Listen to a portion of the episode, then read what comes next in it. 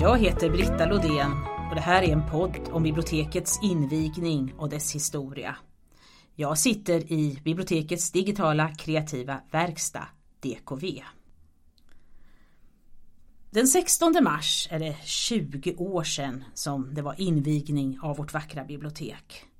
I samband med det så fick eh, biblioteket tillbaka sitt gamla namn, Stifts och landsbiblioteket som skulle anknyta till sitt historiska arv.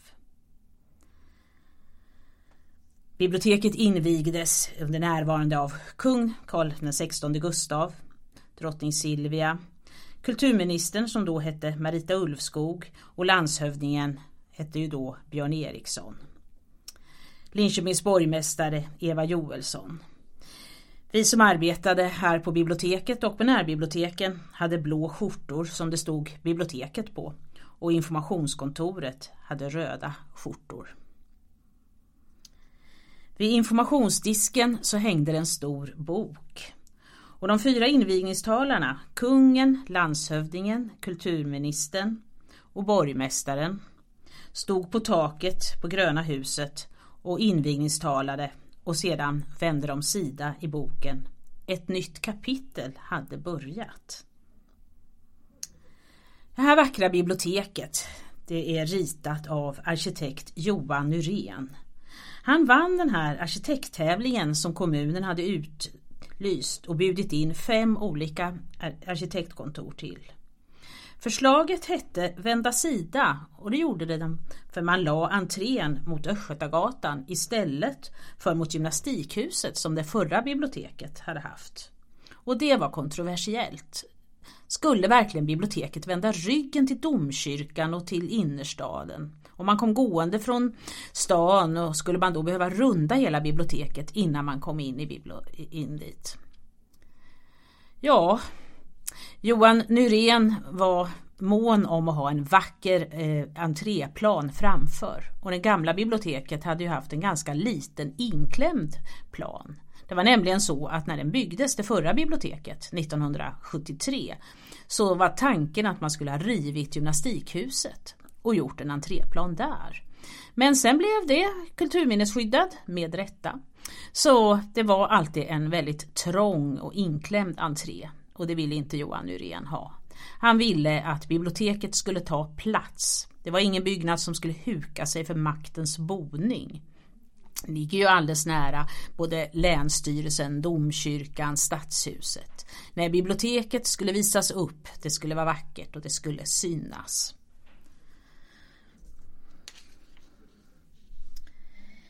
Och det är det också, det är vackert. Det är ju en, en långa väggar av glas gör att det syns på långt håll, särskilt upplyst en mörk kväll. Och bibliotekets grundtanke var hållbarhet. Det skulle vara na vackra naturmaterial med sten, trä och glas. Och det skulle åldras vackert. Och det var naturfärger och vitt. Och så några färgklickar i lite dova jordfärger på de här fyra husen som är inne i biblioteket. Det blå på barnavdelningen, Östgötasamlingen som är terrakottafärgad och så det gula och det gröna huset. En annan bärande tanke var den öppna planlösningen. Det skulle vara lätt att omforma och tänka nytt allt eftersom tiden förändras och nya krav kommer. Man skulle inte låsa fast sig till för stela lösningar. Vårt eh, vackra trägolv är amerikansk vitek. Det största i Sverige. Det är 5000 kvadratmeter. Och eh, i entrén och längs den långa väggen eh, så är det kalksten från Borghamn 2500 kvadratmeter. Johan Nyréns syster heter Karin Nyrén och hon blev inredningsarkitekt. Hon valde svarta stolar på tidningshyllan och eh, eh, hyllan där tidningarna ligger är också svarta. Och det gjorde hon därför hon hade själv arbetat som tidningsbud. Och hon visste vad svart man kunde bli om händerna då och tänkte att ljusa stolar kan nog vara vackert men de kommer inte vara vackra speciellt länge om folk ska sitta där med svarta sotiga fingrar. Läslamporna som är vid stolarna de kallas för nunnedoket och den vackra ljuskronan i taket vid tidningshyllan den är 8,5 meter i rund ring. Och den eh, går igen de här lamporna med den här långa rampen som går längs mittengången sen på, i biblioteket. Det finns många konstverk i biblioteket. Jag skulle vilja framhålla texterna av Mikael Lundberg. Det är 50 böcker i ett bokskåp nedsänkta i olivolja och det är åtta forskare som eh, har fått välja ut de viktigaste verken i mänsklighetens historia. Det är roligt att stå där och titta och fundera och man kan ju alltid diskutera med andra. Är det rätt böcker som är valda? Det är såväl Koranen som Bibeln. Stolthet och fördom av Jane Austen. Anne Franks dagbok men också en barnbok som Pippi Långstrump. En fin skulptur står utanför Östgötarummet. Det är biskop Brask av Karl-Olof Björk.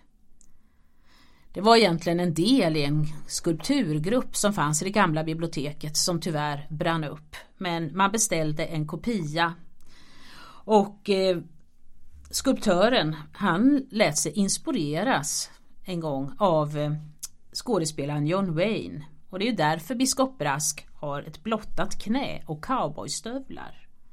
Ja. Utanför biblioteket, mellan gymnastikhuset och biblioteket finns Kunskapens källa av Bo Ols. Till minne av biskop Erik Benselius. Det var en mycket beläst man och han donerade en omfattande boksamling till biblioteket på 1700-talet. Och det bidrog väldigt mycket till bibliotekets utveckling. Ett konstverk som kräver sin förklaring det är gestaltningen av Carl Michael von Hauswolf. Den består av sex fotografiska arbeten där man utgått från olika författares röster. Selma Lagerlöf säger ögon, Karin Boye men Thomas Tranströmer säger höst och Bruno K. Öijert säger eld och Göran Sonnevi som. Rösterna var inlästa på band och så har man valt ord och sen har ordets tonbild och frekvens har fått bearbetas via datorn till konstverk. Ja, det är lite långsökt kanske, men det är fint. En förresten som ni inte ska glömma, pelikanen som står på informationsdisken överlevde mirakulöst branden. Den restaurerades av konstnären Erik Ragnar Elfven. Så det har varit en riktig fågel Fenix. Jag har ofta tänkt att den ger oss hopp och tar oss igenom svårigheter. Gå gärna runt och titta på alla våra andra konstverk.